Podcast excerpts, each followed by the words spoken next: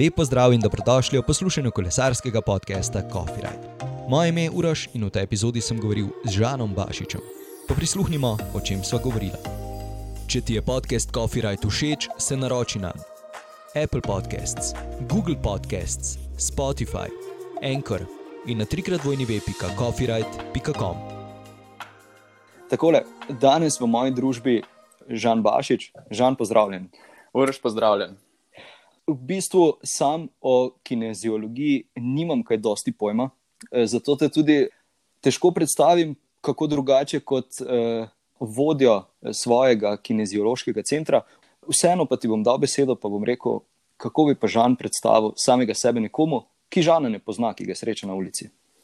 Ja, tako kot si že v vodu povedal, to je tako zmeraj res zapleteno vprašanje. Ampak ja, zaključujem um, magistrski študij kineziologije in sem ustanovitelj podjetja StartFit, kjer se v bistvu ukvarjamo z gibanjem, kako bi z gibanjem preprečili oziroma um, popravili neke poškodbe bolečine in posamezniku predstavili aktiven način življenja, kaj mu bo koristil in kako se ukvarjati z nekim gibanjem. Tako da to je to, kar se tega tiče. Sem pa od nekdaj nekako upet v šport in uh, fasciniran nad delovanjem človeškega telesa.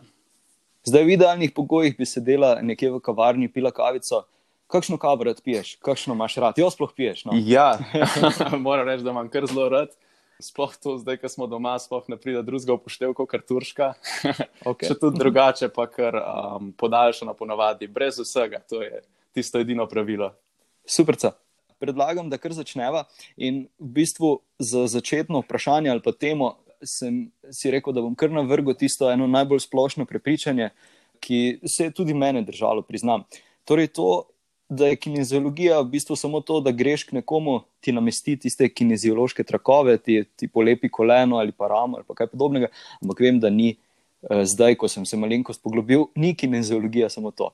Kaj sploh je? Ja, res je. V bistvu kineziologija gre tako, je kar zelo široka veda. No? Gre se predvsem, tako zelo nasplošno povedano, se gre v, vedo, v vedi za gibanje oziroma v gibanju.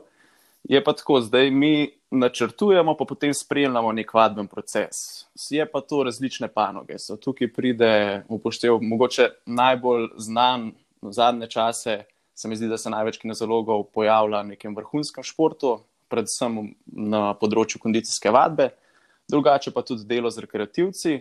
Pa mogoče malo manj znana področja je tudi, se upeljuje vedno več v to za kroničnimi bolniki, kjer je tudi zelo velik vpliv na vadbo, pa neka sistematična vadba, predvsem tukaj pride upoštev, kakšni bolniki z osteoporozo, pa nasplošno kronični bolniki, se vidi, ima zelo velik vpliv gibanje. Potem pa še druga področja, kot so recimo neka ergonomija, promocija zdravja in tako naprej, pa tudi načeloma sama um, znanstvena panoga. No. Nekako bi lahko rekli, da je kineziolog tudi fitness trener. Ne? Nekateri ponujajo še, še svetovanje pri prehrani, vse te stvari. Je tudi to kineziologija, tudi to spada k temu, ali, ali bi se vseeno distanciral od mm. recimo, temu, da bi se reklo fitness trener? Ja, ne čisto, mislim, tako je. Um, kineziologija res je, da nas je zelo veliko zaposlenih, oziroma delamo na tem področju moči, ampak kar se tiče same kinezologije, je to res zelo širok, širok spektr. Gre se v to smer tudi na splošno. Jaz sem sploh malo več govorim iz te strani, ker je v bistvu moj primarni interes bolj delo neke postoperativne vadbe, se pravi po neki operaciji, kot fizioterapeut, zaključi z, um, z nekim zdravljenjem, potem v tej smeri lahko delujemo. Gre se pa predvsem to, da se dela neko vadbo, ki se jo spremlja. Jaz to gledam na to, da za različne stvari, se pravi, fitness trener, mogoče gledamo bolj tako, da ponavadi gre za neko preoblikovanje telesne postave. Tukaj je pa res veliko različnih dejavnikov. Ne? In potem mi strukturiramo to vadbo, spremljamo, kakšne impulze dajemo not, v kateri smeri hočemo, da se telo prilagaja, če se v tej smeri prilagaja, potem so pa samo različne metode, principi, kaj zdaj hočemo. Je to performance ali je to zdaj odpravljanje nekih bolečin, ali je mogoče to zdravljenje, recimo, oziroma ohranjanje neke sposobnosti pri bolnikih. Tako da je res kar širok spektr, no, kar se tiče kineziologije. Nekako se spomnimo ali pa pomislimo na kineziologa, takrat, ko pride do težav, glede na to, da je to kolesarski podcast. Ena ali pa tudi več napak, ki se jih morda spomniš, da jih delamo, delajo kolesarji in da zaradi tega pride v bistvu do težav. No? Je kakšna takšna, ki posebej izstopa? Mhm. Ja, kar jaz opažam, ne, če zdaj, te, mislim, načeloma govorimo tudi več le o rekreativnih kolesarjih, je pač stil življenja. Zakaj tudi kinezologi zdaj je dokaj nova znanost, to prihaja tako od spredje, je, ker večinoma sedimo. Ne, in če pogledamo, kolesarjenje je spet neka aktivnost, kjer smo spet v podobnem položaju. In če zdaj to združimo, se pravi, v službi sedimo 8 ur, potem gremo še na kolo, hitro padamo v nek vzorc, kjer prideta potem na plano dva, dve najpogostejši bolečini. Se pravi, tukaj sta predvsem bolečina v ledvenem delu, bolečina v predelu križa, pa bolečina v kolenih.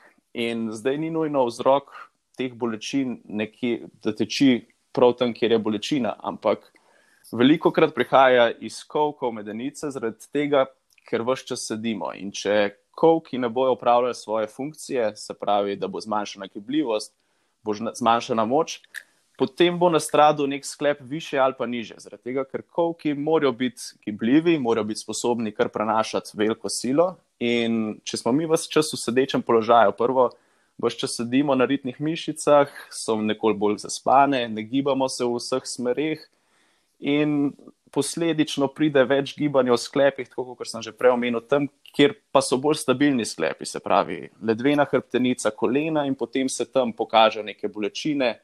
In to je tisti glavni problem. No, se mi zdi, da je preveč osko usmerjeno, um, da ni teh nekih kontrastnih aktivnosti. Čisto tako iz glave. Razen, recimo, dnevne ali pa nekaj, nekajkrat tedensko telovadbe. Je kakšna takšna stvar, s katero si lahko v bistvu sami pomagamo, oziroma sami preprečimo, da recimo pride do, do teh težav ali pa teh bolečin? Ja, sigurno tukaj so pol na začetku neki, že če dalj časa sedimo, neki aktivni odmori so zelo priporočljivi. Predvsem pri, pri sedeči populaciji, ki prihaja do nekih mravlinčen v prstih, so to lahko res neke statične obremenitve, ki smo naslonjeni na mizo, potem bolečine v hrbtenici. Tako da to je prva stvar, ki, jo, ki jo jaz naslovim, da si med dolgotrajnim sedenjem vzamemo mečkam pauze, se razgibamo. Potem druga taka stvar je, da se gibamo v čim večjih smereh. Se pravi, že to, da če smo veliko na kolesu, naredimo nekaj drugega, pa kakršna koli aktivnost. Zato tudi, ker kolo je konec koncev tako zelo low impact, se pravi, ni veliko sile na same tetive, uh, je mogoče kdaj pametno tek, ampak spet se pravi, da menjamo te aktivnosti, da ni preve, potem preveč take programitve, pa da vse delamo počasi, ne? da počasi stopnjujemo. Zato tudi takrat, ko začenjamo, da ne gremo takoj v hrib, ker bomo proizvajali največje sile, ampak da gremo vse z neko mero pa postopnostjo. Pri kolesarjih je to zelo, zelo, zelo znano, oziroma zelo velik problem, da prihaja do osteoporoze. Si tudi že na kaj takšnega naletel, Ja, kar se tiče osteoporoze, je problematično predvsem to, ker ni nobenih poskokov, nobenih, um, tako kot pri teku, dvigovanja teži, ker bi mišica stiskala kost, ker kost za to, da se obnavlja, rab neko silo. In kolesarstvo pa vedno, mislim, sedimo vse čas in ni teh sil. Tako da, ja, uh, sploh pri starejši populaciji tega kar veliko uh, in je treba zato v mladih letih združiti neke take aktivnosti, se pravi, kot je tek, poskoki, zato da kostnino ohranjamo čim bolj pri življenju. Ne? Sicer že, že v začetnih epizodah Coffee Ride, ko sem govoril z sogovorniki, smo ta mit ovrgli, ampak vseeno v prejšnjem eh, tisočletju, bom tako rekel, je bil trening z otežmi ali pa kaj takšnega za kolesarja, itak čisto prečrtana stvar. Je, je bilo koga težko prepričati v to, ali, ali se to vedno bolj uh, opaz, opažaš ta trend, da se vedno bolj peljuje, recimo uh, dviganje teži, tudi kakšne druge vaje. Ki so pa seveda specifične za potem vsak šport. Ja, mislim, sploh pri teh vzdržljivih športih je sigurno še to, kar zelo prepričane. Ne? Tako je mišična masa, je dodatna masa, ki jo hočemo mislim, da jo moramo prenašati okrog in je takoj ti strah. Jaz sicer več delujem, uh, delam z atleti, pa je podobna stvar. Ne? In to zmeraj manj je tega, zmeraj več se vidi, koliko doprinese vadba moči. Da, če je strukturirana, tudi ne bomo pridobivali v taki meri na mišični masi, ampak da bomo performance kar dvignili na veliko višji nivo. Tako da se mi zdi, da gre v pravi smeri naprej, no, tudi kar se tega tiče. Tukaj imam tri ali ne napisane, torej bolečine v kolenu, bolečine v hrbtu, hernija in pa bolečine v ramenih. Eh, nekako sem jih jaz po svojem raziskovanju izpostavil kot največje težave kolesarjev. Tudi ti si že prej omenil, da se najhitreje pojavijo bolečine v ledvenem delu in pa v kolenih. Kako bi recimo pristopil, ali pa vem, da je to tako, da mora biti to unificiran odgovor, oziroma da je vprašanje tudi tako postavljeno, ampak vseeno, kako se lotiti reševanja problema, eh, kjer recimo izvora ne poznaš ja. direktno. Ja, lahko zdaj lahko streljamo s topom, pa mogoče zadanemo kakšne te velike kamne. Uh, pa bomo izpostavili, recimo, če začnemo pri kolenu, sta dve taki pogosti težavi. Tudi zadnjič smo imeli od Simona enega kolesarja s tem problemom, gre za patelofemoralni sindrom, kjer se bolečina pojavlja pod pogačico oziroma okrog pogačice. In tukaj je problem, ne pri kolesarju, pri kolesarju je toliko in toliko enih ponavljajočih gibov. In Zdaj, če pogledamo mi sprednjo stegensko mišico, pa kako je pogačica gor upeta, je tako, kot da bi mi z enimi štrikci imeli to pogačico upeto. Um, in zdaj, če bo zunanja stran mečkam preveč povlekla, se pravi, da bomo imeli mi več tenzije, več moči na zunanji strani stegna, bo pogačica mečkam povlekla v stran. Se pravi, ta notranja stran bo šipka, bo popustila, in če imamo zdaj samo mečken zamaknjeno to pogačico, ne bo lepo drsela. In ko mi stegujemo, pa krčimo koleno, bo to vse čas šlo malenkost ven iz svojega tira. In to na dolgi rok prihaja do netja, konec konca lahko pride tudi do neke obrabe hrustanca v slabem, zelo, zelo slabem primeru. Tako da to je ena stvar, ki jo potem treba nasloviti, se pravi, mišično nesorazmerje popraviti. Druga taka stvar uh, je pa tekaško koleno, ki se zelo veliko pojavlja tudi pri kolesarjih. Gre pa za ta iliotibialni sindrom. To je pa bolečina, kjer se, pa pojavi, mislim, kjer se pojavi na zunanji strani kolena in ni tam vzroka. Je v bistvu iliotibialni trakt, gre po, zunanji, zunanjem delu stegna naše noge. In tukaj moramo potem nasloviti kočne mišice. Tako da, če kdo čuti bolečino takole, na zunanji strani, v veliki meri lahko težavo rešimo s tem, da bomo začeli jačati naše ritne mišice, ki stegujejo kok, pa tudi to mišico TFL, ki se nahaja na zunanji strani koka, da jo sprostimo in da to razmerje tudi tukaj, ki vleče malo ta iliotbijalni trak, popravimo. Sprostimo napetost in bo tudi bolečina s časom šla a, stran. Tako da, kar se tiče kolena, je vedno treba pogledati tudi en sklep više, kako deluje vse čez kok. Uh, in vadba za moč, pa neko sploščanje bo tukaj kar zelo prav prišla. No. Potem se je omenil hrbtenico, pa diskus hernijo. Tlele je treba biti zmeraj imeti v obziru, da večino bolečin, ki prihaja iz hrbtenice, iz tega ledvenega dela, ni nujno, oziroma je v zelo veliki verjetnosti posledica nekih nepravilnosti mehkih tkiv. Za diskus hernijo gre zelo redko. Če že gre, ne bo kolesarjenje, pa samo sedenje privedlo do tega, ampak če pa je že postavljeno okolje za neko hernijo, bo pa to samo še spodbudilo uh, nastanek, če bomo vse čas postavljeni naprej. No? Ampak kar je tukaj spet večji problem, je delovanje mišic, neko, neka nestabilnost trupa in pa tudi kočnega predela. Zato, če pogledamo tako, da se vozimo s kolesom, moramo mi vedno potegniti koleno navzgor. In če ne bomo imeli dosti gibljivega kavka, bomo mogli iskati neko kompenzacijo. In to se pa velikrat tle potem zgodi, da medenico odmaknemo, premaknemo hrbtenico in se pojavljajo težave. Tako zelo velikrat tožijo vsi bolečina na zgornjem delu medenice, ki jo smatramo tudi uh, v predelu križa, pa potem enostranske bolečine, to gre velikrat za mišične bolečine. Če bo prišlo do nekega vzdraženja živca, bo pa se pravi, bojo velikrat simptomi tako, da bo peklo, mravlinčenje bo na zadnji strani noge, kjer je pa tudi potrebno pogledati, zdaj lahko da ne dela problema ta hernija, tudi velikrat, če je dokazano, da je neka diskos hernija, lahko težava tiči nekje druge. Lahko je tudi opcija zaradi tega, ker veliko pri kolesarstvu sedimo, da je stisnjena mišica piriformis. In če je ta mišica stisnjena, tako zelo napeta, lahko vzdraži ta živc in isto čutimo zelo podobne simptome, kot kar. Pa, če rečemo tako, parišjaso. In pri takem človeku, če bo kdo se srečuje s tako težavo, se bo legel na hrbet in bo tudi zelo velikrat videl, da ima stopalo obrnjeno, mečkano zvan. To je zaradi tega, ker ta mišica zelo močno drži kok. To, tako na kratko, pa zelo splošno, kar se tiče bolečin v predelu križa. No. Pa še kar se tiče ramen, je pa tako, ne se mi zdi tle zelo. Velikrat je tudi prvo treba upraviti bike fitting, se mi zdi to tukaj kar pomembna zadeva, kar se tiče težav v ramenih.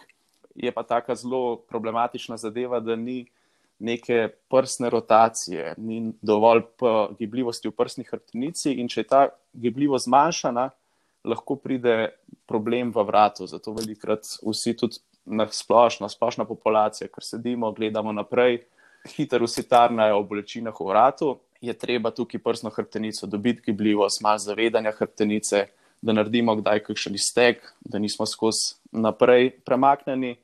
Druga taka zadeva so pa tudi tukaj hitro utesnjeni živci. Ne. Velikrat eh, kdo čuti, ko balanca pritiska, um, da imamo take umrtvičene prste, tukaj lahko kakšen ulnarni živc dela težavo, lahko je problem v napačni stavitvi kolesa, lahko pa problem tiči nekje v tem, da imamo zelo naprej pomaknjena ramena, da je nekje živc stisnen, da so mišice preveč toge in je pa s tem zelo dobro nasloviti. Se pravi, to mora iti kar z roko v roki, kar se teh problemov tiče. Kar je pa še tako, mislim, značilno, kar pogosto je, da če smo vse čas, tako kot sem zdaj že parkrat tekom pogovora omenil, če sedimo, če smo potem še na kolesu, se gibljivost ramena zmanjša. Ne? In če bomo se potem prijavili na neko vadbo, recimo, da gremo v fitness trenirati sami ali pa na neke skupinske vadbe, tako pa da pride do nekih potiskov nad glavo, in mi nimamo ustrezne gibljivosti, se lahko hitro pojavijo neke bolečine. Tako da tukaj je spet treba neka postopnost, je zelo pomembna. Če nečesa nismo upravljali dolg časa, ne moramo potem od telesa kar takoj pričakovati, da bomo sposobni za to delati. Tako da isto je z nekimi hišnimi pravili, da lahko hitro pride do kakšnih bolečin v vratu in podobno če se po pol leta usedemo na kolo, pa 150 km odpeljemo. do Ben, ki ne zna rešiti te, teh težav, oziroma bolečin, ja. ki nastanejo. okay, sam si že omenil, in naslednja tema je ravno uh, bike fitting. Tudi sam sem z, z bike fittingom rešil težavo v svojem kolenu. Pa me zanima, sicer je to zdaj, kot si prej rekel, strelj prazno, ampak vseeno, uh, je morda v katerem primeru bike fitting za maskiranje težave, recimo, vem, eh, bolečina v kolenu, pa se premakne bloki na vzveno znotraj, kakorkoli. Bi bil drugačen postopek, hm. bolj pravilen, ali, ali je vseeno to? Jaz okay? bi tako rekel, no, kar se tega tiče. Ne bi rekel, da je bike fitting mogoče za maskiranje težav. Se mi zdi, da bike fitting je, kar se tega tiče, kar zelo pomemben, ker res nastavi človeku um, kolo na njegove mere, ne, ker smo vsi drugačni. Ampak se mi zdi, kolo je hiter, lahko jaz vidim težavo v tem, da je maskiranje nekih težav, eh, problemov, bolečin. Velikrat je tak na svet zelo splošno sprejet. Ne vem, jaz vidim zdaj, tudi kad delamo kakšne bolečine v tetivah, bolečine v kolenu, te boli, težko bomo rekli, da bomo s kolesom odpravili to težavo, ampak jo bomo zamaskirali. Ne bomo več tekli, ne bo takih več obremenitev na koleno, mogoče na tetivo, če imamo vse prav nastavljen. Ampak, če se bomo pa vrnili k neki aktivnosti, bo pa pločina spet prisotna. Recimo, tukaj so neke take tendinopatije, mogoče kar taka stvar, ki lahko s kolesom ali pa bolečine, ki druge jih odložimo. Ampak zato je res pomembno, da če čutimo neke bolečine, da jih naslovimo, ne samo prestavimo, pa se oviramo, tist, mislim, ogibamo tistih aktivnostih, kjer nas uh, pestijo bolečine. Tako da jaz bi rekel, da bike fitting je kakorkoli pomemben in tudi tam, to, kar jaz sicer na bike fittingu nisem še bil, to, kar spremljam iz različnih videov pa pogovorov, se vedno tudi pogleda in uh, se mi zdi, da strokovnjaki so vsi strokovnjaki na tem področju in da bojo videli. Uh, če je neka nepravilnost na telesu, ali gre zdaj za manjšo gibljivost, ali dejansko za neko težavo. Super. In eh, ko je vse rešeno, ko se super počutimo na kolesu, ko se super počutimo, gremo na coffee ride. Ko greš ti, kam greš? Je kakšen tak, ki ti je posebej ostal v spominu, tak, ki se stokrat zapelješ na njega, se bo še stokrat odpeljal po njemu.